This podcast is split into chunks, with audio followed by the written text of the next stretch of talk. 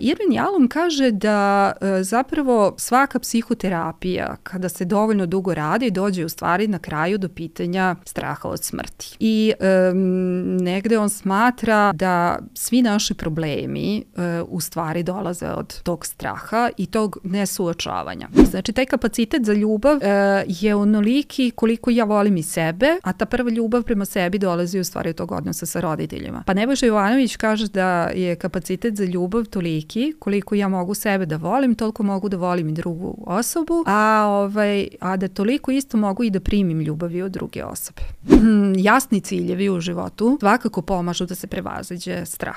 Kompromis ne može da poboljša brak. Hmm, kompromis je samo mesto gde su oboje identično nezadovoljni, tako da od toga ne možemo da dobijemo nešto što je dobro. Preduslov sigurnosti je povjerenje ako ja to Pred, mogu. Preduslov sigurnosti je pre svega rad na sebi. Rad na sebi. Jeste. Znači, građanje jedne stabilne, konstantne, sigurne slike u sebe. Dobrodošli u još jednu epizodu Spotlight podcasta. Kao što već možete da primijetite, nalazimo se u studiju ekipe podcast.rs u Beogradu. Ako želite da snimite svoj prvi podcast, niste sigurni koja oprema treba, nemate prostor, javite se ovoj ekipi i oni će vas uputiti dalje. Moja današnja gošća je Sabina Kovačić. Ona je psihodinamski savjetnik i mindfulness učitelj. Izgovorih ovo sve. bravo, bravo. Tre, treća sveća. Svaka čast. Sabina, hvala ti e, što si došla, izdvojila svoje vrijeme i došla si iz Subotice da snimimo ovu emisiju. Hvala tebi na pozivu. Pričat ćemo o strahovima, ajde da kažem jednoj od najaktuelnijih tema na tvom veoma popularnom Instagram kanalu, profilu. Mm -hmm. Uh, ajde da počnemo sa onim klasičnim definicijskim pitanjem. Šta je to strah? Um, strah ili uopšte emocije su uvek odgovor na neku promenu u našem životu. E, I kada pričamo o strahovima, postoje autori koje smatraju da postoje samo dve osnovne emocije, da je jedna strah, a druga ljubav. Iako se zapitate, ja bi se možda čak i složila sa tim. E, sve ostale emocije kao da negde izlaze iz toga, iako postoje naravno i druge podele, gde postoje neke podele da je pet nekih osnovnih strahova, šest, ali recimo da strah u današnje vreme je definitivno emocija koja preovladava. E, sve češća je anksioznost kao termin.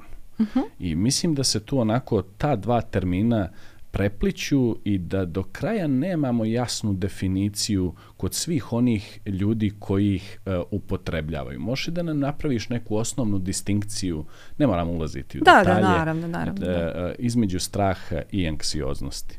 Da, danas ovaj, postoje ti tih par termina koji se nekako vole gurati svuda i davati raznorazne diagnoze, pa tako i anksioznost. Um, svi smo osetili strahove, znači neku vrstu nesigurnosti, ajde tako da kažemo.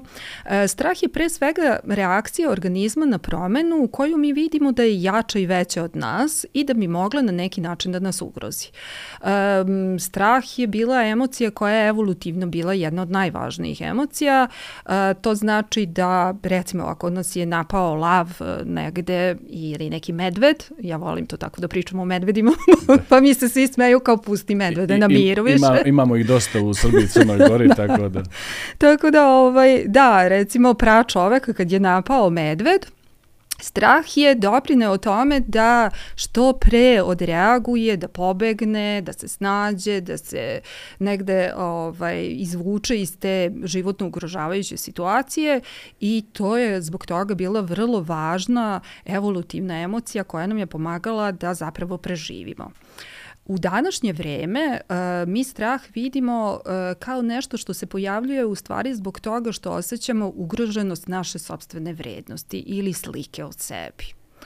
Uh, u zavisnosti od toga da li mi to vidimo kao ugrožavajuće više od onoga što mi možemo kao da se suprotstavimo tome, postoje različiti strahovi i e, postoje različit intenzitet straha i postoje različite vrste straha.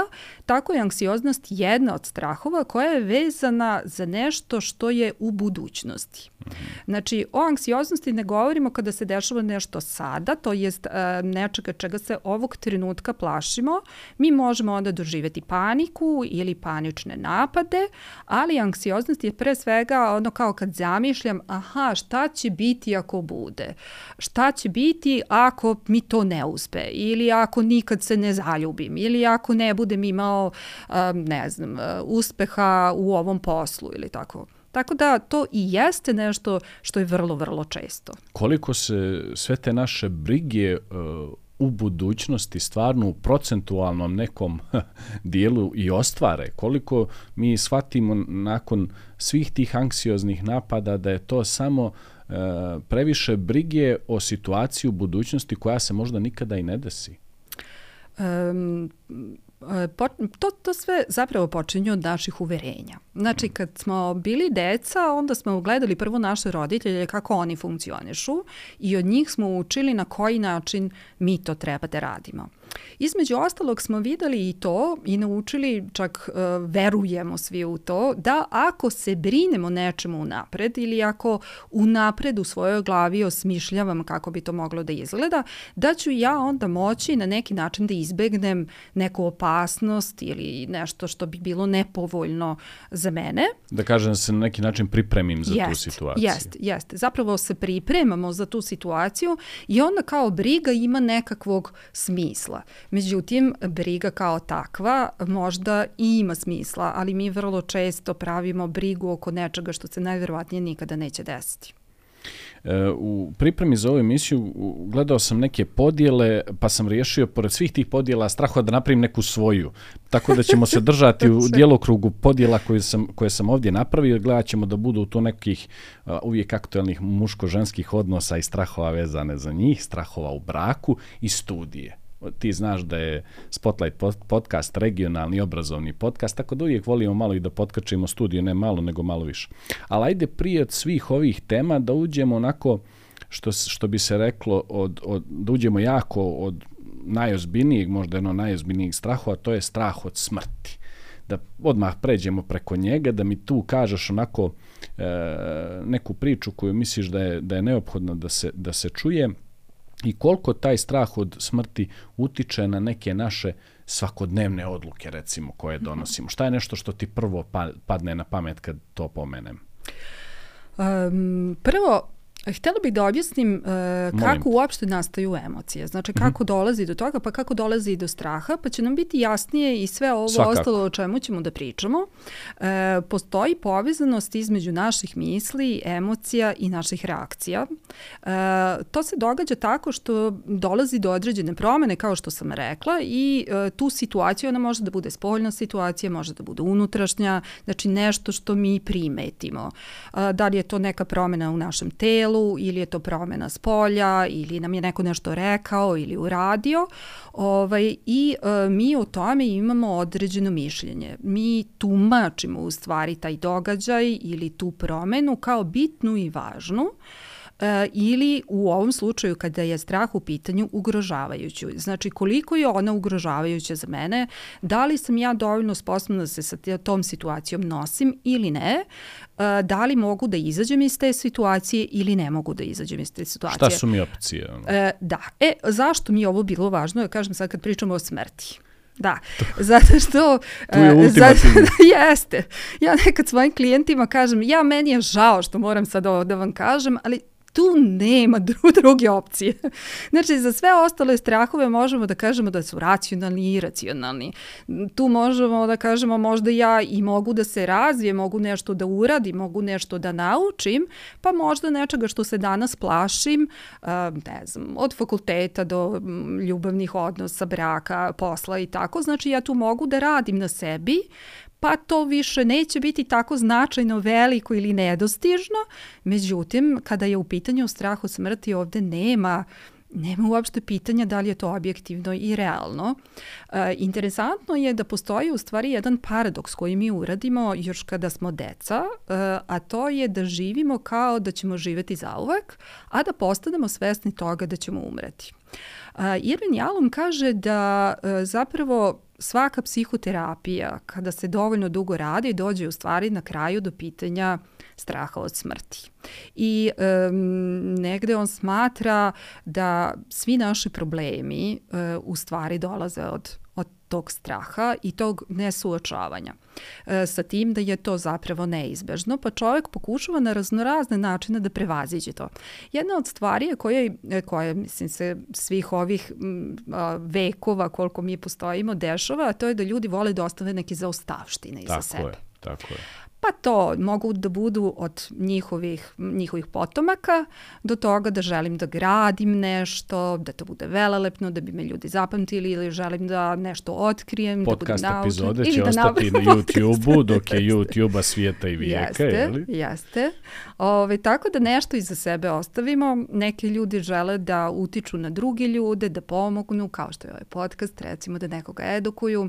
Tako da je to jedna od lepih stvari koje nam pomaže Činjenica je da ljudi koji ne žive život, uh, koji zapravo mnogo beže i to je povezano sa anksioznošću, jel, koji mnogo beže od života, pokušavaju na sve moguće načine da um, negde pomognu sami sebi da ne dožive bol, da ne dožive neku, uh, neki neuspeh, da ne naprave greške u životu, oni u stvari rade um, protiv sebe, protiv svog života, ne koriste život, životare, a život onda naplaćuje cenu toga kroz razne bolesti, kroz razne mentalne probleme.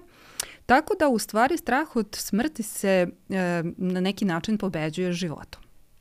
Jako lijepo rečeno i sad dok si to pričali ja pokušavam kroz svoj mali primjer negdje da se prisjetim i onda uh, djeca onako zbog svoje neke razdraganosti, razigranosti i, i zauzetosti toku dana ne razmišljaju puno na tu temu, u kom momentu čovjek onako počne da zaista razmatra strah o smrti kao strah koji ga sputava ili eventualno strah o smrti kao nešto što ga motiviše da što prije iza sebe ostavi taj neki trag o kome ti pričaš. Jesi li identifikovala kroz, kroz čitanje i istraživanje koji su to neki momenti u životnom ciklusu jednog čovjeka kad taj...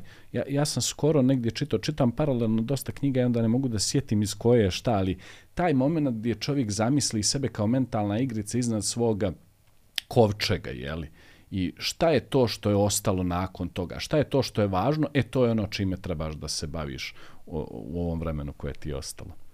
Um, danas, u današnje vreme, uh, um, ljudi ozbiljnije počinju da razmišljaju uopšte o strahovima negde od škole pa nadalje. Znači, kako krenu u školu, ovaj, mnogo više uh, su pritisnuti raznim zahtevima i ovaj i sve mlađi mlađe deca doživljavaju doživljavaju i anksioznost i strahove od smrti i uopšte e, strahove sve moguće vrste jer e, društvo zahteva od deteta u tom dobu već od 7 godina mnogo toga. Pre svega e, zahteva od dece da nemaju grešku E, u današnjoj školi i kod nas, nažalost, e, i još uvek u velikom delu sveta je tako da se greške drastično kažnjavaju I tu počinje zapravo podvlačenje od života. Baš to što si rekao, dok su deca, dok su smo slobodni, postoje tu nekih strahova i naravno deca se boje raznih stvari, ali oni to dosta uh, lepo prevazilaze. Znači, nemaju osjećaj da sad iza toga stoji ne, neka velika i strašna stvar, uh, nego onako traže od roditelja da samo da su tu i onda oni to prevaziđu. Međutim, od škole, kažem kako, kako krenu u školu, tako krenu da ih plaše roditelji, nastavnici, profesori društvo. Nećeš ovo postići u životu, nećeš ono postići u životu i ti strahovi se nagomilavaju da bismo onda nakon završetka škole, recimo od nekih 20. 20. neke godine, ovaj, postali sve više svesni prolaznosti života i zahtevima života generalno uh, i koliko se onda plašimo života, jel? Kad kažemo ono, negde se strah u smrti prevazilazi životom, znači koliko se ja života zapravo plašim, toliko se plašim i smrti. Što više sebi dozvoljavam da bežim od tog straha od života, ovaj, tako će rasti strah od smrti i ja ću se sve više plašiti toga šta dolazi. Postoji e, strah od smrti koji je vezan za sebe, strahu smrti koji je vezan za nekoga nama bliskog i treća vrsta je znači neke, neke velike kataklizme ili tako nešto da je, da je veća grupa ljudi. E, tako da u tom smislu možemo posmatrati strahu smrti i u tom aspektu različitog um, objekta. Jeste kontekst. E, skoro, e, od kad su krenule društvene mreže, imamo e, čitav set novih strahova o kojima, o nekima znamo nešto po nešto, drugima tek trebamo da vidimo kako će se ti svi strahovi razvijeti i jedan od njih je čuveni FOMO, Fear of Missing Out ili strah od propuštanja. Koliko si negdje primijetila, iako si sama jako aktivna na mreži Instagram, da upravo ove, e, ova generacija Z e, prateći živote drugih ljudi, permanentno prateći živote drugih ljudi, pospješuje upravo taj strah od propuštanja. E, ja ne smijem, je li oportunitetni trošak mene da nisam na telefonu, znači da možda neću znati šta je trendi, možda neću ispratiti gdje mi je koja drugarica, ako bude neki gosip ili neko ogovaranje neće biti uh, updateovano što se kaže uh, koliko negdje vidiš društvene mreže da doprinose tom nekom strahu i kolažu koji koji koji ovaj na neki način strah potkrepljuje danas ovo baš bih nadovezala na ono što sam rekla, kad počinju u stvari ozbiljni strahovi negde od školskog doba. Danas i društvene mreže, mislim, ja ne bih krivila pretirano društvene mreže. Mislim da je to nešto što se u društvu generalno dešava sa tineđerima, sa mladim ljudima, a to je strah od toga da se uklopimo, da nas prihvate, da budemo deo društva. Znači, nekad je to bilo kad nije bilo društva društvenih mreža, bili su, bili su isti takvi strahovi. Znači, isto su se deca plašila toga hoće me društvo prihvatiti, hoću li znati šta je najnoviji trend. Možda sa to samo izgleda, aha, tu kao sad imam telefon, pa moram stalno da gledam u telefon, ali i onda je bilo to. I ovde je sad da li će me prihvatiti samo na, na jednoj drugoj platformi. A, nije možda lice, u, mislim, još uvek naravno postoji ono, i u, i u školi i u društvu da li sam prihvaćen, ali je sad dodatan zahtev da sad ja ispratim sve to, da li sam in, da li, da li pratim trendove, da li izgledam tako kako, bi, kako se očekuje. E, mnogo toga je donelo e, današnje društvo. Znači, ja stvarno ne bi okrivila samo društvene mreže. Mislim da mediji generalno donose e, razne zahteve pred mlade ljude koji sigurno pospešuju strahove u svakom smislu. Jer, mislim, samo ako pogledamo posebno današnju ženu, šta se od nje sve očekuje, ili devojku, ovaj, i razne, mislim, gledala sam neke tvoje ranije podcaste, pa ovaj, vidim da, da se i pričalo o tome, ali mislim da je to jako važna tema, šta se sve danas od mladih devojaka očekuje, kako treba da izgledaju. Prepuno nam, mediji su generalno prepuni uh, uh, nekih savršenih uh, normi izgleda, ponašanja, oblačenja, uh, nije samo za, za ljude, meni je strašno i taj deo kako treba da nam izgleda kuća.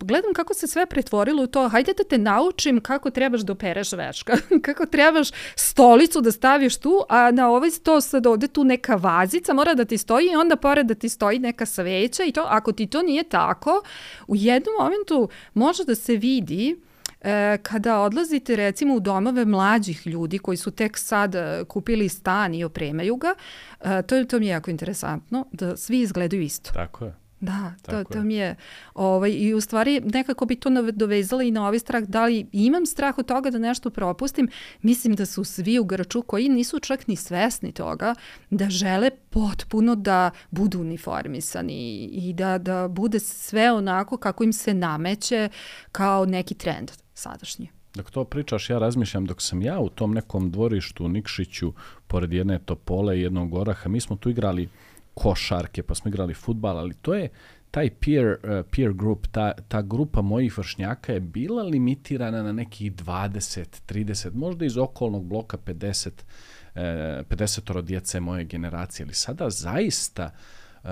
oni imaju neke uh, ajde da kažemo, fiktivne prijatelje i to se mjeri e, hiljadama, desetinama hiljada, a nerijetko i stotinama hiljada. I oni dobijaju kroz te neke storije, kroz te neke postove, oni dobijaju taj utisak. I nekako imam i ja utisak da je na njih pritisak veći zbog toga. Da, jeste. Jeste svakako, sigurno da jeste. Ove, ovaj, I mislim, nažalost, jeli, imamo vrlo neprijatne iskustva poslednjih godina, posebno kod nas, a, mladih ljudi koji su bili influenceri, koji su sebi oduzeli život, ovaj, a, jer ta, taj pritisak, komentari, a, znači to je sve uvećano jako i, i naravno da podiže strahove od toga i ovo što sam rekla na kraju krajeva gde sam objašnjavala šta je uopšte strah, Znači, to je negde gde mi pre svega u današnje doba, strahovi koje mi danas doživljavamo, svi imaju veze sa time kako mi percipiramo sobstvenu vrednost.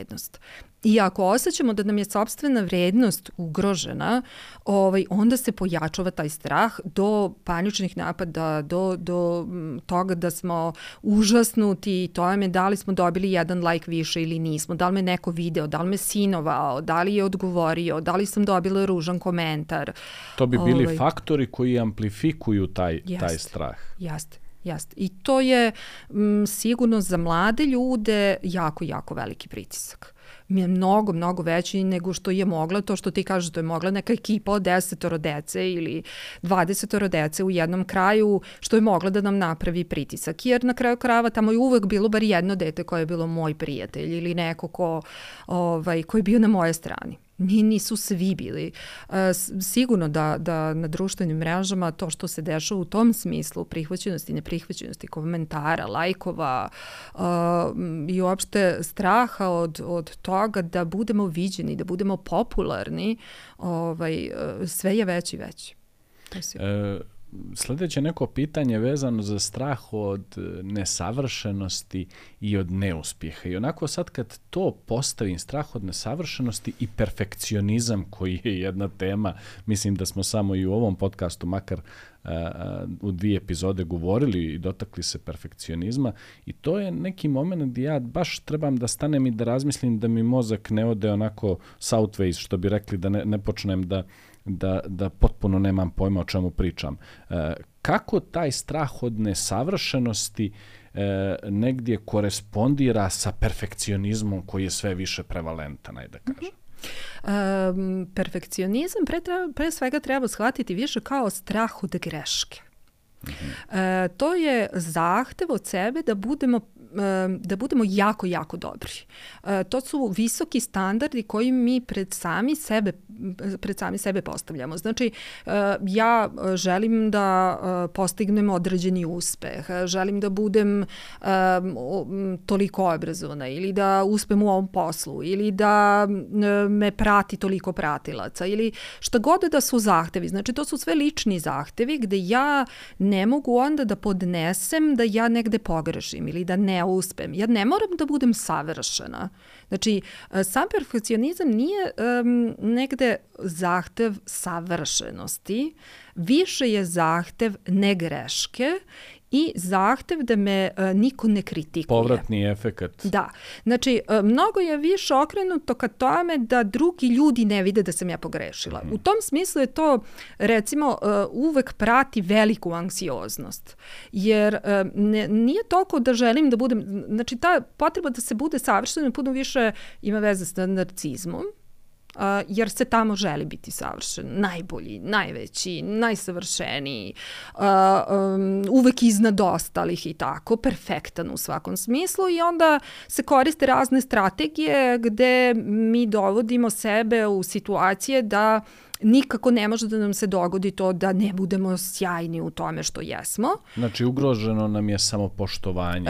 Um, jeste, u principu, negde u osnovi narcizma je ugroženo samopouzdanje, koje mi onda narcistički nagradi, nad, nadogradimo i uh, koristimo sve, manipulaciju, agresiju, sve moguće što, što imamo kao oružje, što bi se rekla, ono, kao da izvadite onako, kao ono, uh, uvek zamislim kada razmišljam ovaj, o narcizmu, uvek zamišljam kao iz maske, iz filma, ono kao kad izvadi ono sto onih pušaka, pištolja i to.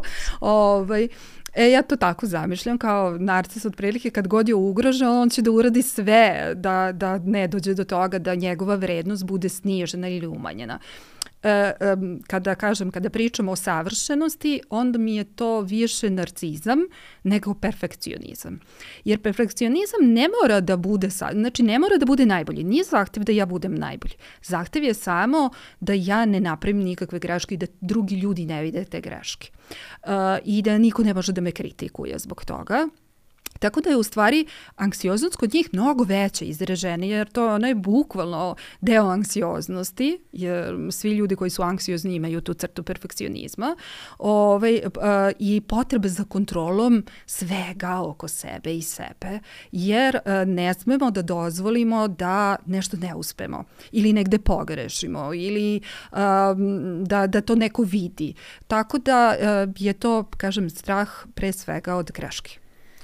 Odmah sam spremio sledeće pitanje, ali sad malo prelazim ove e, muško-ženske odnose.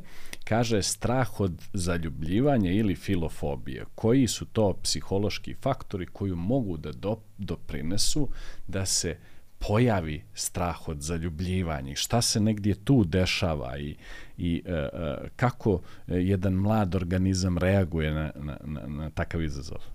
A, meni je bilo interesantno, ja sam juče pre nego što, ovaj, pre nego što sam došla ovamo, jel, a, na Instagramu postavila pitanje svojim pratiocima da mi napišu komentare šta bi voleli o čemu da pričamo. Sve ću I, to da te pitam, jeste, jeste, I kao koje, ovaj, koje je njihovo, a, njihova tema o kojoj, kojoj bi hteli da pričamo i sigurno da najviše ima u stvari upravo ovo što si ti sad rekao kao pitanje, kao tema, zaljubljivanje, partnerski odnosi, e, strah od toga ući u brak, ne ući u brak, uopšte se otvoriti u partnerskim odnosima.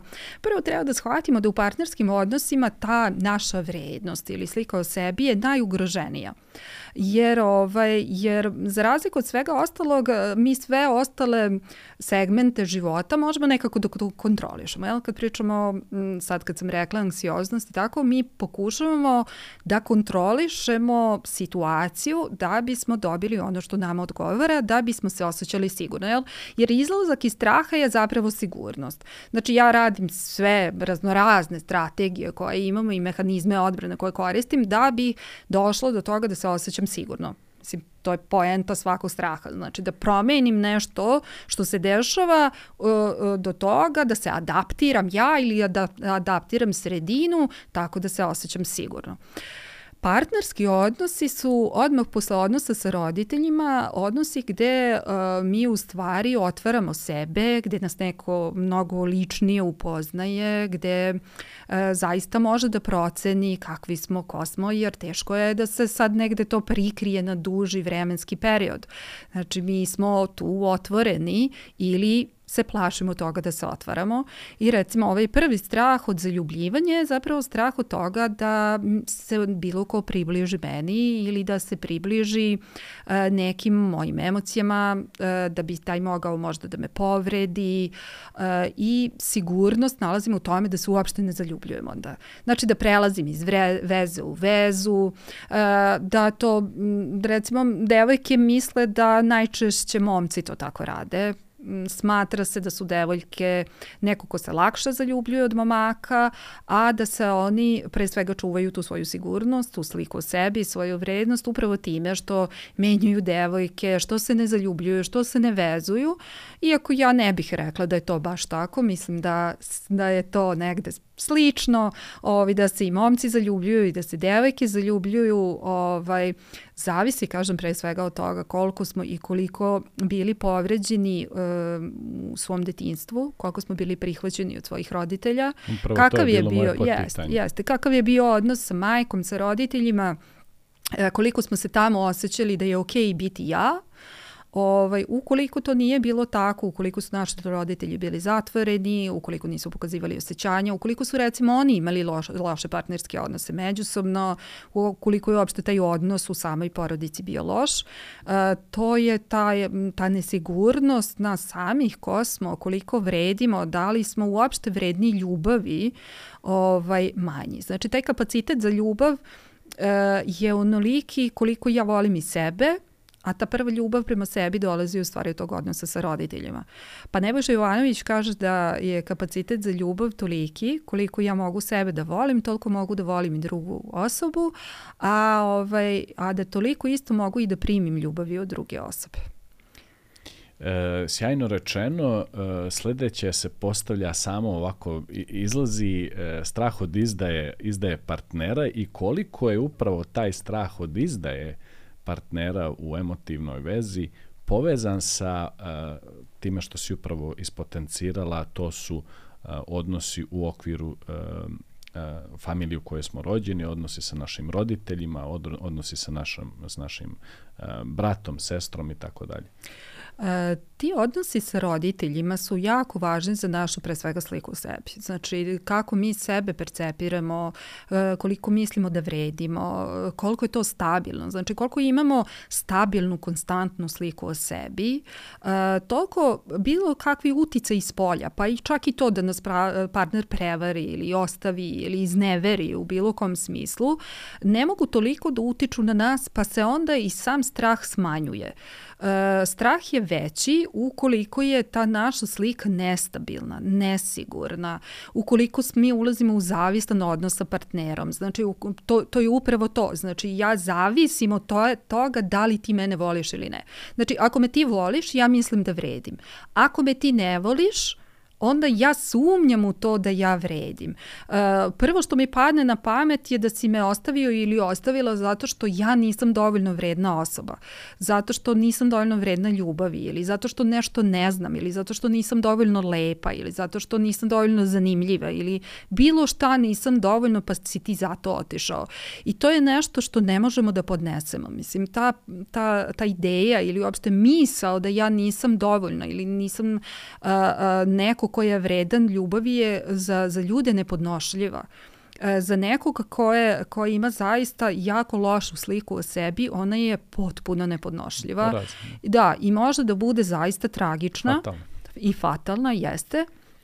Tako da um, uvek je važan, kad su strahovi u pitanju, najvažnije je zapravo rad na sebi, na ojačavanju sebe, na razvijenju emotivnih kompetencija koje možda nisu dovoljno razvijene u, u tom uzrastu e, odrastanja i u odnosu sa roditeljima. Ono što je dobro ovaj, je da mi na tome možemo da radimo celog života i da to nije nešto što je zabetonirano. Nekad se smatralo, neuronauka i nekad smatrala da to što postignemo do, do to neke sedme godine da je to to. Ovaj, danas je to već prevaziđeno i zna se jako dobro da sve možemo nadograditi, da možemo mnogo toga naučiti, tako da ovaj, zaista možemo na sebi e, svakodnevno raditi na, na to jednoj čvršćoj, jačoj stabilnoj slici. I evo i ova ekipa danas je e, jedan živi primjer toga, nećemo otkrivati godine, ali definitivno e, ovaj izgledaš mnogo mlađe od, od, od svojih godina, a e, sama si dokaz da se svakodnevno usavršavaš. Samo si mi pobrojala unazad godinu dana na koje sve seminare si bila. Ja se samo zapitam kako to stižeš pored regularnih obaveza koje imaš u porodici. Ja, hvala. O, ovaj, e, pa smatram da svako ko tačno zna šta hoće, Ovi, ovaj, da, evo recimo jasni ciljevi u životu uh, svakako pomažu da se prevaziđe strah. Mislim kad pričamo o strahovima, e, kada imamo te zamisli o budućnosti, jel, kad su nam one e, negde nesigurne, kad brinemo, kad nismo sigurni šta možemo, šta ne možemo, e, ako imamo jasne ciljeve i ako radimo na njima, ako e, znamo tačno gde smo, šta smo, ko smo, šta možemo još da uradimo e, da sebe recimo edukujemo u nekom pravcu ili da se suočimo sa nekim izazovima, one će dovesti do rasta i mi ćemo da sazrevamo, da rastemo i upravo tako ćemo onda da postignemo to što želimo. Stvari koje hoćemo da postignemo. Pa tako i mislim što se tiče mojih godina, ovaj ja smatram da mislim sad ono imam 51 godinu, ovaj uh, ove godine sam napunila i mislim da to ima puno veze sa tim kakav imaš životni stav prema životu. Ja se osjećam jako mladom. Moram priznati da negde moj život i način na koji radim, e, često mi postave, apropo strahova, postave pitanje jao, jako se plašim, šta mislite, da li sam zakasnila sa tim da upišem fakultet, imam 25 godina. ja kažem, stvarno izvinjam se, što ću da se nasmejem. Sa 40 apliciram na master, da, tako da. da. Ovaj, zaista mislim da to nikada nije kasno, mislim da ni za što nikada nije kasno, ovaj, da možemo da se osjećamo duhom uvek mladi, a da jedan zdrav stil života i pre svega mentalnog zdravlja ovaj, može jako da doprinese. Smanjenje strahova, stresova. Um, današnje vreme nosi mnogo stresa. Evo, mi smo samo dotakli par nekih stvari sa kojima se čovek suočava, a nažalost u školama ne učimo kako da se nosimo sa tim stresom, niti na koji pravi način da do, doživimo, da uh, negde tumačimo ono što nam se dešava, da procesuiramo, da se na kraju, kao i u ovoj knjizi što kaže, nosimo sa životnom neizvestnostima. Mislim, život je neizvestan, život ne možete da kontrolišete. Mislim, mislim da je to jedna od najvažnijih zapravo poruka. Ne možete da kontrolišete život. Vi možete da imate samo jasne ciljeve i da idete ka tim jasnim ciljevima svojim. Da svaki dan radite korak po korak da biste ostvarili ono što želite. Ali da kontrolišete sve, taj, svaki taj korak, ne možete da znate ni na kraju šta će da bude. I nije stvar uspeha i neuspeha. Možda će kroz taj put to i da se promeni, pa će vaš taj cilj da se promeni, pa ćete postići nešto sasvim deseto, ali u stvari to je način kako da kako treba živjeti. Da, kako treba živjeti. Kad si već pomenula uh, knjigu Sjajan uvod, uh, da, da na neki način uh, skrenem temu i da ti se zahvalim. Ovo je poklon uh, meni Spotlight podcastu Strah, kako razumjeti i prihvatiti životnu neizvjesnost. OSHO, jako popularan na audible.com. Ja mislim da imaju audio knjige na razne teme ovaj, e, dijelom smo pripremili emisiju, ja nisam imao hard copy, imao sam PDF prije ovoga, ali sad sam dobio poklon, poklon hvala ti na tome, Sabina. E, malo ću raditi jednu nepopularnu stvar, jer smo se već odaljili od teme, mm -hmm. ali mi je jako, e, e, jako mi je značajno pod pitanje.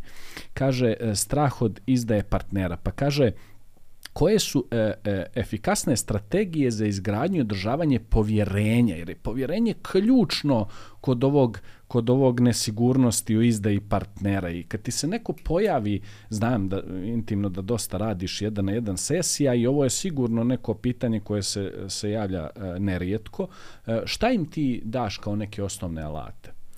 Uh, upravo sam o ovome zapravo i pričala. Znači, osnovna, osnovni alat je um, sam lični razvoj. Znači, samo, samo se... Znači, mi kada, uh, kada radimo na svom ličnom razvoju, kada radimo na razvijenju svojih emotivnih kompetencija, sad recimo da, da kažem osnovne te šta su emotivne te neke kompetencije, znači to su naše sposobnosti da procesuiramo emocije, uh, E, na prvom mestu je celovitost. Znači da smo u stanju da prvo sebe vidimo celovito. To znači da ne odbacujemo deo sebe. Jung je govorio o senci, znači o nekom neprihvatanju dela sebe koji se nama ne dopada. I onda ako ja m, potpuno odbacujem taj deo sebe, onda ne mogu sebe ni videti kao celu, onda stalno pokušavam nešto da sakrijem i, ovaj, i osjećam se onda nesigurno. Da bih bila celovita treba sebe da prihvatim i svoje te neke pozitivne strane i neke svoje možda negativne strane, jer mislim sve na ovoj planeti ima svoj dan i noć, ima belo i crno, ima um, jutro i veče, yin i yang i tako. Tako da i mi sami imamo i ono što je naša jača, ja to više volim da kažem ovako, moja je jača strana i moja slabija strana. Masculine and feminine. Da, Mm, da, da, ali ovako e, e, u tom nekom smislu onoga što mm, su neke moje uh, kao osobine, recimo, ili neki moj karakter, da imamo neku moju jaču stranu, znači nešto što, u čemu sam ja bolja. Recimo, ja sam dobra u tome da pričam, govorim, ali možda mi matematika nije tako, tako dobra strana, pa možda to ne mogu dobro, ili možda mi sport ne ide baš dobro, ali sam baš dobra u plesu. Ili... Znači, isteknete negde svoje dobre strane, ali um, ne sakrivate ono što, što nije dobro, nego prihvatite i to i kažete, ok, mogu da ja igram ono, tenis, ali ne ide mi baš, ali baš je smešno, jel? Ovaj, da prosto prihvatite sebe celovito, a onda da prihvatite i druge ljude i svet isto tako celovito, da, da ste u sa, stanju da sagledate širu sliku, da ne cepate a, a, sliku, nego da to ostane kao jedna celost, da, da isto tako sam u stanju da vidim i dobru stranu mog partnera i lošu stranu mog, mog partnera i dobru stranu našeg odnosa i loše strane našeg odnosa. E, tako isto da, da mogu da neutrališem prejaka osjećanja, e, da mogu sa njima da se nosim, da imam konstantnu ljubav. E, konstantna ljubav znači da... Prihvatanje ne samo prihvatanje. Konstantna ljubav znači da ja tebe volim bez obzira sad da li e, mi se ne sviđa danas, što se ti danas uradio. To ne znači nešto e, da, da neko radi nešto što je jako, jako loše. Nego recimo, mi znamo da se naljutimo na partnera zato što je zaboravio da donese, ne znam, pelene uh, uh, danas kući. Znači, ja sam te nazvala pre nego što se krenuo s posla i rekao sam, ajde, molim te, kupi pelene, nemam više pelena. Muž je došao kući i zaboravio da kupi pelene i onda je zaboravila da je to neko koga jako voli i onda je počela da viče na njega, da ga vređa ili tako nešto, ili suprotno, mislim, ja sam sad našla ovo kao primjer, ali uh, gde mi bukvalno iscepamo sliku i zaboravimo da je to neko ko je naš, koga volimo, uh, pa smo onda u stanju i da kažemo nešto ružno i da se posvađamo tako da iz izgovorimo neke reči koje stvarno nisu na mestu ili namerno da povredimo tog nekog. Znači, razvoj e, emotivnih kompetencija, e, savladavanje ovoga, da smo mi sami stabilni, Znači, ono kao kad sretnete osobu koja je emotivno stabilna, kad kažemo da, znači tu nema strašno velikih amplituda, ne zavisi od mene, o, ta osoba je stabilna sama po sebi. Tako se gradi onda poverenje. Jer ja ako sam stabilna, ja ne zavisim od tebe. Moje emocije, moja sreća, moje zadovoljstvo ne zavisi od tebe. Moj posao, moje financije ne zavise od tebe. Ja tebe mogu da pustim i da verujem, da ti potpuno verujem. Ti mene možeš da izneveriš, I to neće biti problem. Meni neće biti lepo i ja ću se rastužiti zbog toga, ali neću jako patiti i neću propasti i ne moram nikako da te vežem za sebe. Tako da ja mogu da imam poverenje ljudi koji ne mogu da se osjećaju sigurno u vezi sebe i e, taj partner im su, služi za bilo šta, znači da li je to, da li su to emotivne potrebe, da li su finansijske potrebe, da li su, ne znam, potrebe ega ili tako nešto, ovaj, onda taj neko ne može da ima potpuno poverenje jer zapravo sve vreme ima strah. A šta ako ti odeš ili šta ako nešto napraviš, to će onda opet dovesti do ugroženosti mene kao osobe ili moje slike o sebi ili moje vrednosti I da bismo to izbegli, onda ja ne mogu da imam poverenje, onda sam ja ljubomoran, da kažem, pokušavam na raznorazne manipulativne strategije, koristim ucene, uh, agresiju, neke, neke pretnje ili tako nešto da bi se neko plašio da ne napravi nešto što nam ne odgovara kako me sad me baš inspirišeš da ode malo u tom, u tom Možda, smjeru, a ne bih da se previše odaljim, ali da. konstantno mi je pitanje kad neko poput tebe dođe u ovaj podcast, u izazovu sam da pitam zbog čega je manipulacija toliko jedno moćno oružje, najčešće u rukama ženske osobe, da dođe i ostvari neke svoje ciljeve. Mada unazad... Ja kako lepo. mislim da će ovo, ovo bi nas odvelo sad. Da, da, pa ovako, mislim, manipulacija, prvo, e, svi mi manipulišemo. Ne, ne postoji ženska muška osoba, svi mi manipulišemo. Pre svega manipulišemo sobom. I to je u stvari najteži deo manipulacije to manipulisanje sobom. Mi to sebi kažemo ovako, ma nije to, ma ne, ni ne treba ti to, aha, htjela si to da postigne, ma kao nije to ni bitno, jel ako mi ne ide, onda kažem sebi nije to ni bitno, ili ona kao vidim, ali kao pravim se luda, mislim, ili tako, već kakve god manipulacije da koristimo, ovaj, to su pre svega mehanizmi odbrane. Tako je. I, ovaj, i um, tako odrastamo, tako smo vaspitani, tako su nas učili, tako, tako smo vas, bukvalno vaspitavani. Znači, decu vaspitavamo tako što im pretimo a ako ne uradiš to, onda ćeš dobiti ovo. Akcija, ja ću da se naljutim. Recimo, jedna od manipulacija koje koriste naši roditelji je uh, nisi dobar, naljutit ću se na tebe. Onda daću te nekom drugom, zvaću policajce, odnećete ne znam ko. Mislim, sve, sve, te, sve su to manipulacije. Tako da ne postoji nešto da li žene ili muškarci više manipulišu. Svako manipuliše. Uh, sad, uh, izlazak iz toga znači u stvari zrelost. Znači otpuštanje mehanizama odbrane i uopšte manipulacije kao sredstva da bismo nešto dobili.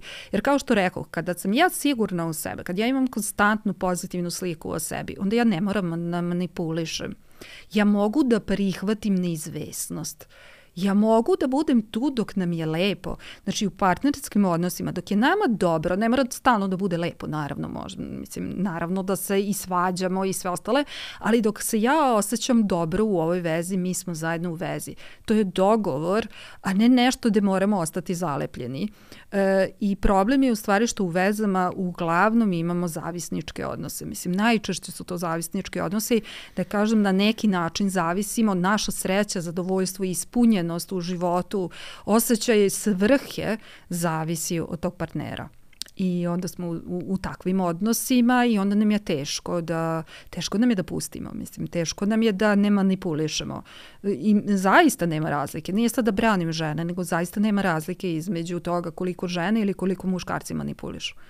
Jasno jasno. To to je jasno i kroz sami termin simbioze u u u u partnerskom odnosu uh, potpuno mi jasno u kom pravcu ideš. Jako mi je zanimljivo si pomenula Junga i, i, i, i uh, Sijenku. Sijenku. I ono sa čime bih ja to povezao, iako sam znao za termina, ni, nisam iz ove oblasti, je uh, jedan od skorijih, hajde da kažem, motivacionih govornika iz oblasti sporta je napisao knjigu um, E, nemilosrdnost, Relentless, Tim Grover, i on tu priča kroz jako veliki broj najpopularnijih i najuspješnijih sportista u e, najčešće iz domena američkog futbala i košarke, kaže da svi oni, e, kada ih analiziraju, imaju jednu tamnu stranu.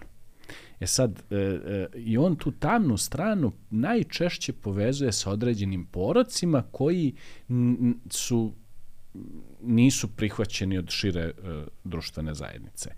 A uh, jedan od njihovih ključnih uh, recepata za uspjeh je činjenica da oni negdje u svom kutku uh, svoje glave ili svoga doma upražnjavaju tu tamnu stranu. Je li to nešto, možeš i da napraviš neku paralelu ili na to mislio Jung vezano za sjenku koje se ne treba stiditi? Ne baš, ne baš. O, ovaj, ovde je, mislim, senka je deo nas, nečega što je zapravo bilo neprihvaćeno još u detinstvu mm -hmm. od strane recimo roditelja kao nešto što nije lepo. Uh, Uh, mislim, to uopšte ne mora da bude deo koji nije lep, ali nam je uh, rečeno tad da nije lepo. Znači, nije lepo da se tako smeješ ili uh, nije lepo da se tako ponašaš ili ova tvoja osobina nije lepa, to nije uh, kulturno, fino, znači tako se dobra deca ne ponašaju ili ne razmišljaju i tako, sebičan si ili ako misliš samo na sebe i tako. Ove, I onda mi prosto pokušamo da sakrijemo taj neki deo ili recimo nije u redu da se ljutiš, e, nije u redu da, da, da se zauzmeš za sebe, da se boriš za sebe, da podigneš glas ili tako nešto i onda mi to sakrivamo taj deo kao nešto što je neprihvatljivo, e, neko neprihvatljivo podnašanje ili neka, neka naša neprihvatljiva e, emocija.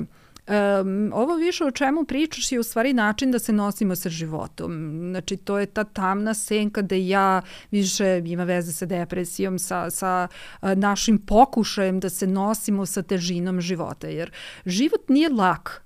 Život nosi jako, jako puno problema i onda ako mi nemamo izgrađene, opet ja emotivne kompetencije, emotivnu inteligenciju, ovaj, nama je teško da se nosimo sa izazovima života. E, mnogo stvari u životu e, je obojeno i strahovima, i nesigurnostima i e, teško nam je da nosimo. Nekada nisu to samo strahovi i nesigurnosti. Mnogi, posebno, mislim, kada su u pitanju i sportisti i jako poznate ličnosti, recimo, oni su izloženi velikom broju izazova. Jeste, jako velikom broju izazova od toga da postignu nešto u, u samom sportu do onda toga kada postignu da ostanu tamo, jeli, da se zadrže na prvom mestu, evo Novak Đoković koji ono, da li je prvi ili nije prvi, kad će, da li je pobedio ili nije pobedio, da li sad baš svaki put mora da pobedi ili ne, mislim, to su ogromni pritisci, pritisci yes. zaista, onda njihov život je izložen um, onako javnosti, ništa ne mogu da urade, da to neko ne zna. Tako E, niko od nas nema neke savršene živote, a ljudi su stvarno Mislim, komentari ljudi nikada nisu dobronamerni, više su, mnogo su više zlonamerni, uh, tako da će novinari jedva čekati da to iskoriste, da žuta štampa, ogromni naslovi i sve to i teško se nositi sa tim. I to je jedna tamna senka njihovog života gde oni pokušavaju kroz razne stvari da se nose, koje su naravno negde nezdrave, neprihvatljive i loše za njih same, da se izbore sa, sa takvim e, životom, sa, sa onim što ih pritiska u, u tom načinu života. Ajde, tako da, da mislim, sve poznate ličnosti imaju neuporedivo veći broj izazova ispred sebe od nas običnih ljudi i e, upravo je on o tome govorio i tu je naveo jedan slikovit primjer koga interesuje neka pročita knjigu za najpoznatijeg golfera na svijetu ovog tamnoputog Tiger Woods. I on upravo priča o momentu kako Tiger Woods je živio vrhunac, a onda se desila afera gdje je on iznevirio njegovo očekivanje kako je on očekivao Tigera Woodsa da izađe i da se izbori sa aferom. On negdje tvrdi da je Tiger Woods poklekao i da je pokazao tu, e, da kažem, e, svoju soft stranu, tu meku stranu i da je dozvolio da mediji i pompa dođu do njega i da je igra neophodno odmah zatim um, uh, pala ajde da kažem. Dok more nekih drugih slučajeva, desi se što se desi, ti igrači naprosto se ovaj pojave u javnost, pregrme sve to, ne komentarišu, ja sam ovdje da se bavim tim sportom i nastave da igraju čak i bolje prije same afere, pa je tu bilo i nek pominjanje, ne znam, nisam siguran da li je bilo u knjizi, ali znam da je Tim Grover bio trener pokojnog Kobije Bryanta, znam da je u nekom momentu bila afera sa Maserkom, ali to je potpuno nije neđe uticalo na njega, on je uzao suprugu za ruku, izašao ispred medija, nije o tome ni riječi rekao i nastavio da se bavi time čime se bavi. E, dobro, e, vraćamo se na brak i na studije, kaže strah od braka. Kaže, kako utiče strah od braka na naše životne izbore. Ovaj, ja sad malo kad e, nemam brak iza sebe, ali ima, imam, imam par pokušaja jako dugih emotivnih veza u koje sam, samo nije bilo potpisa naprosto svega ostalog i zajedničkog života i ljubavi e, e, i svađa i svega je bilo. Ovaj, reci mi, e, e, intimno znam da, da, da imaš tu iskustvo više od mene, e, strah od braka, kako ti to kroz svoju uh, kako to kroz psihologiju ti, ti, ti tumačiš? Mm -hmm.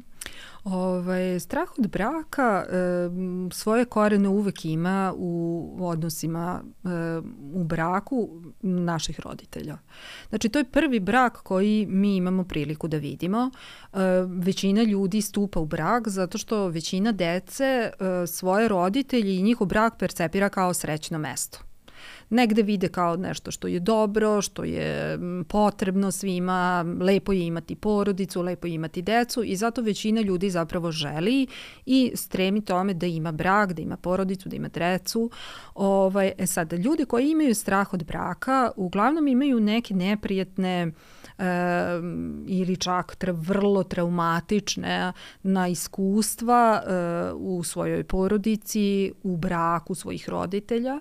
E, kada sagledam recimo moje klijente, većina ljudi koja su imali strah od braka su imali jako loše odnose, e, međusobne odnose roditelja u, u njihovoj prvobitnoj porodici i um, to je stvorilo jedno, jedan strah, uh, jedan otpor ka braku I interesantno je kako većina tih mojih klijenata, evo konkretno, e, tačno ulazi u odnose od kojih nikako ne može da se e, stvori brak.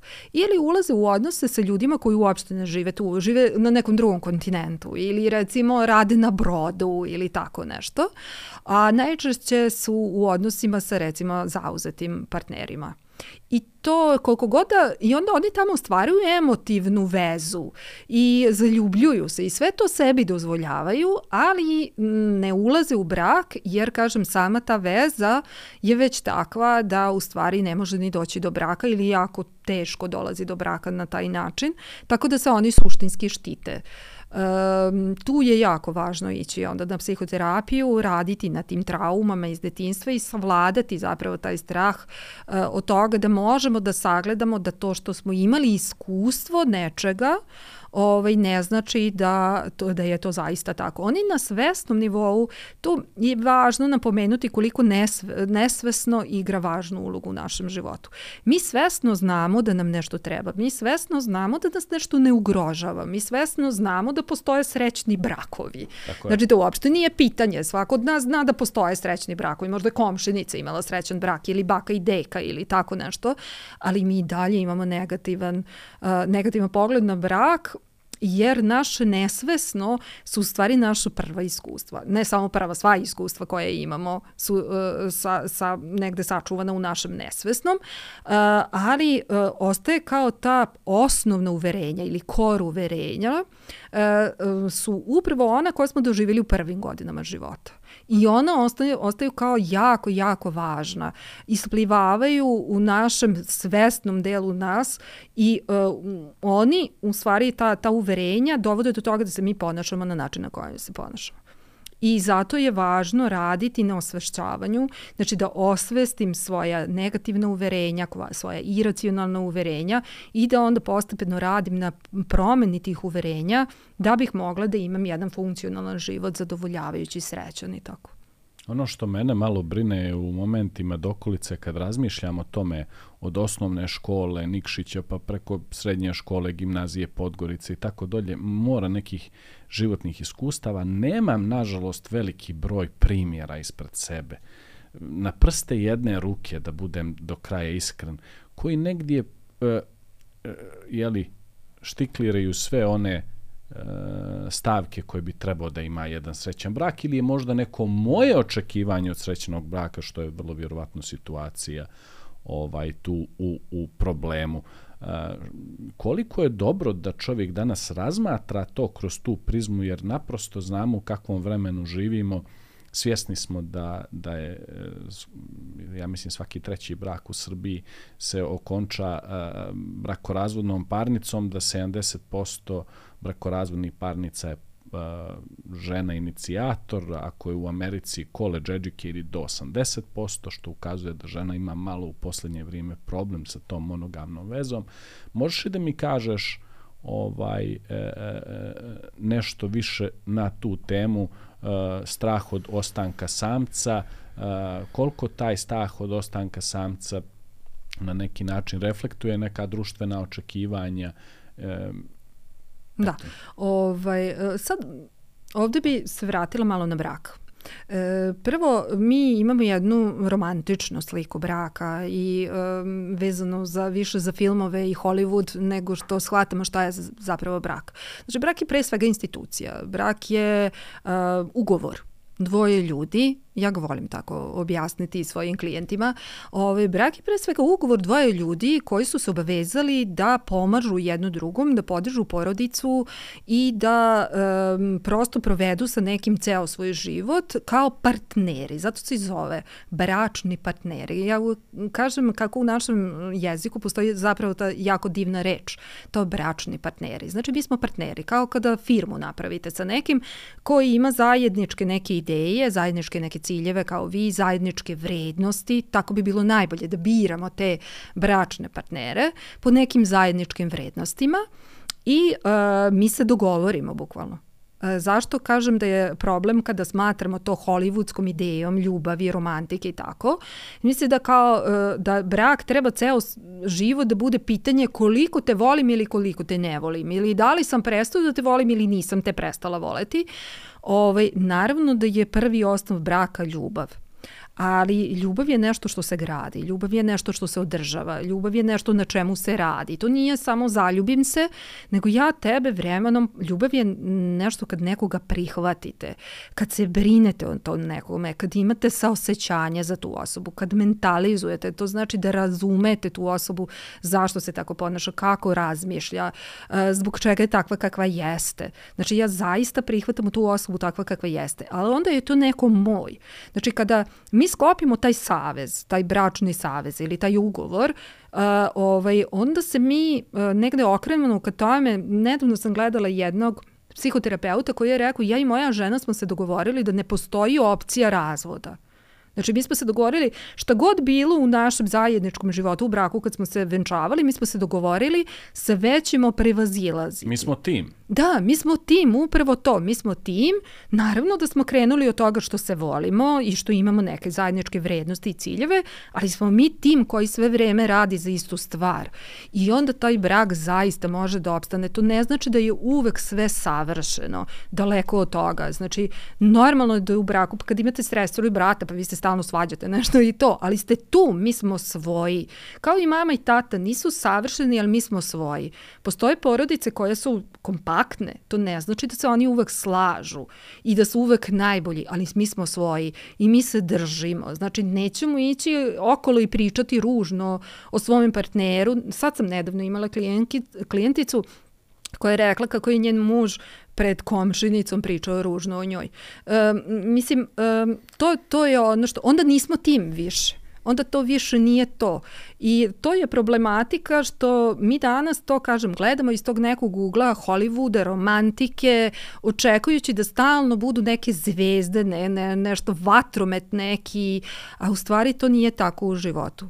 Institucija braka je nastala kao potreba da se jasno zna čija su deca. To je zato nastalo. Da to je jedna stvar, druga stvar da je se jasno zna ko mora da brine o toj deci. Bile su uloge u tom braku, znači muškarac je bio taj neko ko je zarađivao ili išao da radi, žena je bila, jeste. Ovaj, tako da danas su te uloge promenjene. Yes. Danas se te uloge nekako Prepliču. i mi jeste, prepliću se, imamo jednu novu formu braka i pitanje je u budućnosti kao i sve što se um, zaista iz korena menja, pitanje je i brak kao ovakva institucija koja je danas jeste tradicionalna, koliko je ona realna i zašto zapravo ovo uh, toliki razvodi možda i nisu stvar uh, problema, koliko u stvari neke realnosti da... Redefinicije. Jeste. Ne mislim da treba brak da se negde uh, menja u tom pravcu, da zapravo ovo što sam bila pričala, da sa nekim budemo uh, dok smo zaista oboj zainteresovani da budemo tu a da budemo nezavisni, da ne zavisimo ni na jedan način, pa ni na emotivan način od tog partnera. Da. E, tu ima malo problem sa onim e, spakovanim koferom ovaj, koji većina mladih danas, danas negdje drži. E, e, znaš, ja imam spakovan kofer, ja sam previše samostalan i ako me malo ugroziš, nisam spreman na neki, ili spreman na neki veliki kompromis. E, koliko se slažeš tu sa Petersonom gdje on kaže nema probe, nema probe. Šta mi imamo da probamo zajednički život? Šta mi imamo da probamo da živimo zajedno dvije, tri godine? Pričam iz ličnog iskustva. On kaže ne, nema probe. Jesmo li mi ili to to, ili smo krenuli da živimo zajedno uh, oću ugovor. Jesi li sa Petersonom na ugovor ili si malo uh, ovo što kažu contemporary, malo si u skladu s ovim modernim, ma šta bre taj ugovor, ne treba mi taj ugovor, meni je bitno da sam ja tu dok mi je fino, kofer je spakovan, ali ako me ne poštuješ... Ugovor još uvek dosta pomaže, ako ništa psihološki, da se mi osjećamo ipak obavezni Jer kada nema tog ugovora, mislim ovo je zaista kada pogledate tako, jer e, ljudi, sama pomisao, ja radim dosta i, i razvode, sama pomisao da treba da idem na sud, tako da je. nosim to negde, me vraća na to, hajde da pokušam nešto da uradim. I nije stvar kompromisa, stvar je toga koliko smo voljni da zaista radimo na tom braku. Kompromis ne može da poboljša brak. Kompromis je samo mesto gde su oboje identično nezadovoljni, tako da od toga ne možemo da dobijemo nešto što je dobro. E, možemo da dobijemo dobar brak samo ako ćemo da razgovaramo, ako ćemo zaista da se otvorimo, ako ćemo stvarno da budemo iskreni i da otvoreno pričamo o svemu što nas tišti, šta je ono što su naše potrebe i naravno ja bih uvek rekla da je najbolje da svako ide na psihoterapiju, da, da radi na sebi, da radi na, jer mislim mnogi stvari koje su problemi u braku potiču u stvari od nekih naših uvređenosti, od strahova, od nesigurnosti i tako i onda ako mi na terapiji radimo na sebi pre svega, na prevazilaženju toga, onda ja više nisam neko neko ko je tako zahtevan prema partneru.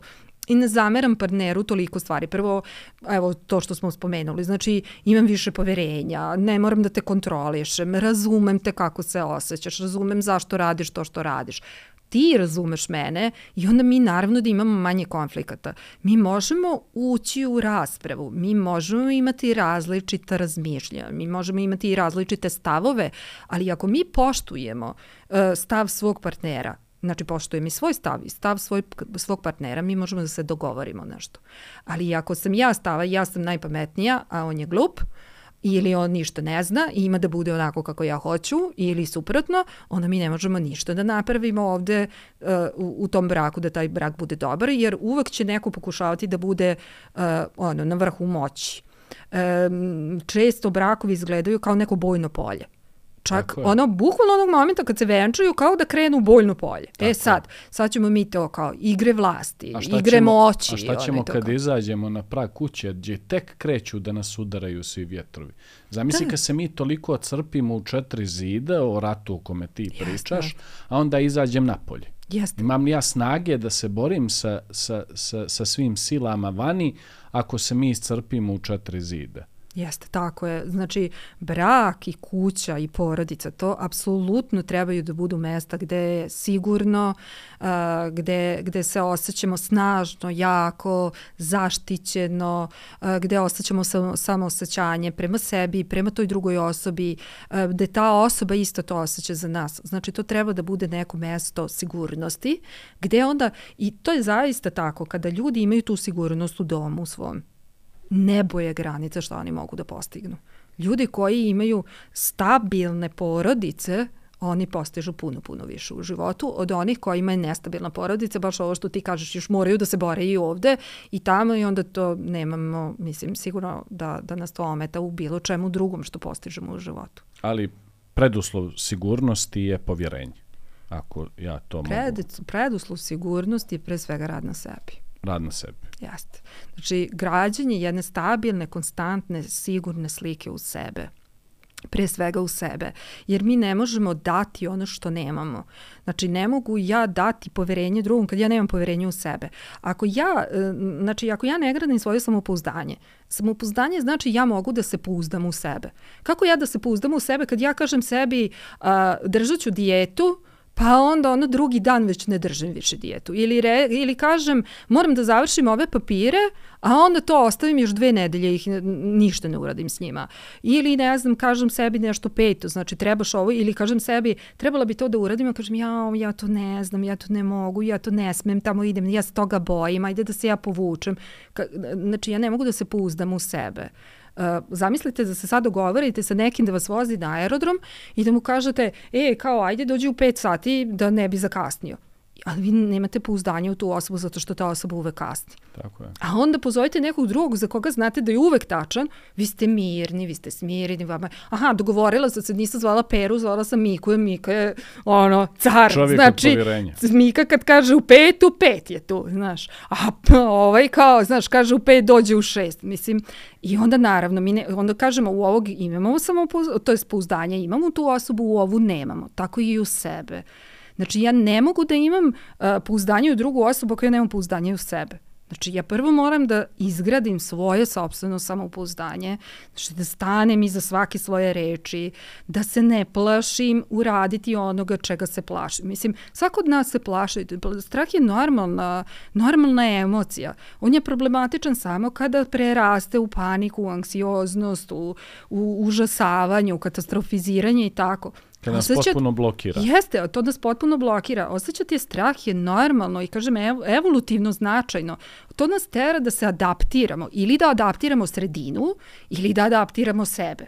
I onda naravno da je najbolje da adaptiramo sebe e, adaptirati sredinu znači umanjiti sredinu. Znači da kažemo sebi, ma to mi ne treba, Ili ma neću ja tamo ne ići. Da. A prilagoditi sebe, adaptirati sebe znači razvijati da. se. Aha, ja to ne znam da uradim, ok, naučit ću pa ću raditi.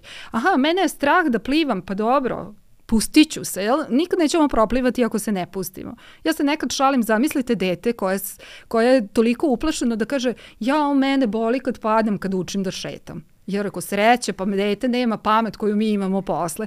Jer kao, zašto neću, ja pitam neke klijente, a zašto nećete to da radite? Pa kao, a možda ću biti povređen ili povređena. I, i kažem, i šta, bit ćete povređeni, odmah da se dogovorimo, odmah da vam kažem, sigurno ćete biti povređeni, ajmo sad dalje. to je, to je adakta. e, e, kao možemo odmah da se dogovorimo, kao i ovo sada, ta, da li ćete umreti, umrećete, pomirite se s tim, ajmo sad dalje.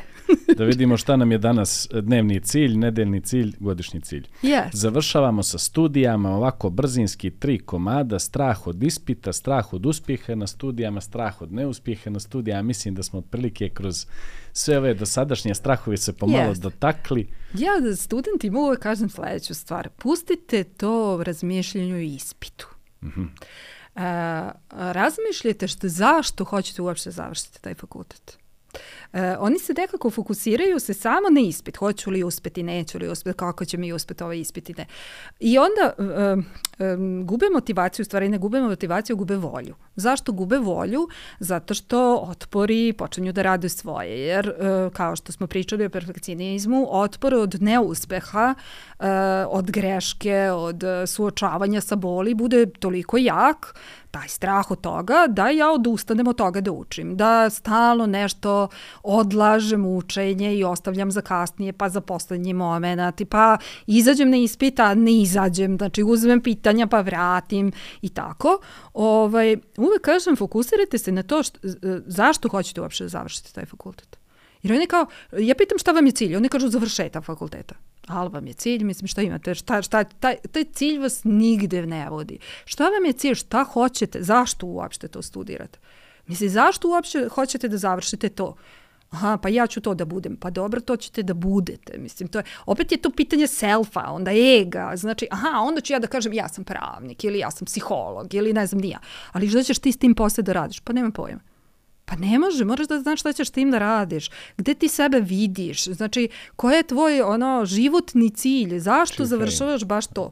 E kada to grizeš za tim, onda ti jedva čekaš da budeš to, da to radiš, da, da se baviš tim, da to postižeš. I onda je to tolika snaga, onda je to onaj flow, jeli, onda je to strast, onda, onda ja ono brišem ispite jer ja hoću što pre da, da budem to i da radim te stvari, a ne samo da bi moj ego rekao, je, ja sam ja imam diplomu. znači, fakultet zbog fakulteta stvara samo te strahove. Kada je nama jasna naša vizija zašto, šta ja time ostvarujem u životu svom. Jer na kraju krajeva to su samo 4, 5, 6 koliko god godina fakulteta, to su samo te godine. Nama ostaje posle 50 godina nešto s tim da radimo, nešto da stvaramo, nešto da, to su posebno. Mislim, e, ljudi se u stvari sa životom saočavaju tek kad završe škole onda počinje život. Jer u školi, U školi je lako biti uspešan. U školi znam, aha, ja ako naučim to, ja mogu da dobijem, ne znam, desetku ili šesticu ili pet, peticu ono, u, u osnovnoj školi i to. A ako puno učim, voleće me nastavnici, bit ću tamo cenjeni, poštovani i tako to. To je lako u školi. Tamo je potpuno to sve. Ok, jasno. Ali u životu, u životu vam je kao u jednom velikom okeanu sa puno riba. A vi tamo imate ribe, ok, možda ste vi bili student sa desetkama, najbolji student, ali u ovom okeanu riba imate vi macane koji su onako kapitalci neki. Mislim, to što vi imate tu desetke, što ste vi briljirali na fakultetu, ali on ima iskustva 30 godina. Pa nema, ne možete da budete bolji od njih. Mislim, bar ne sad.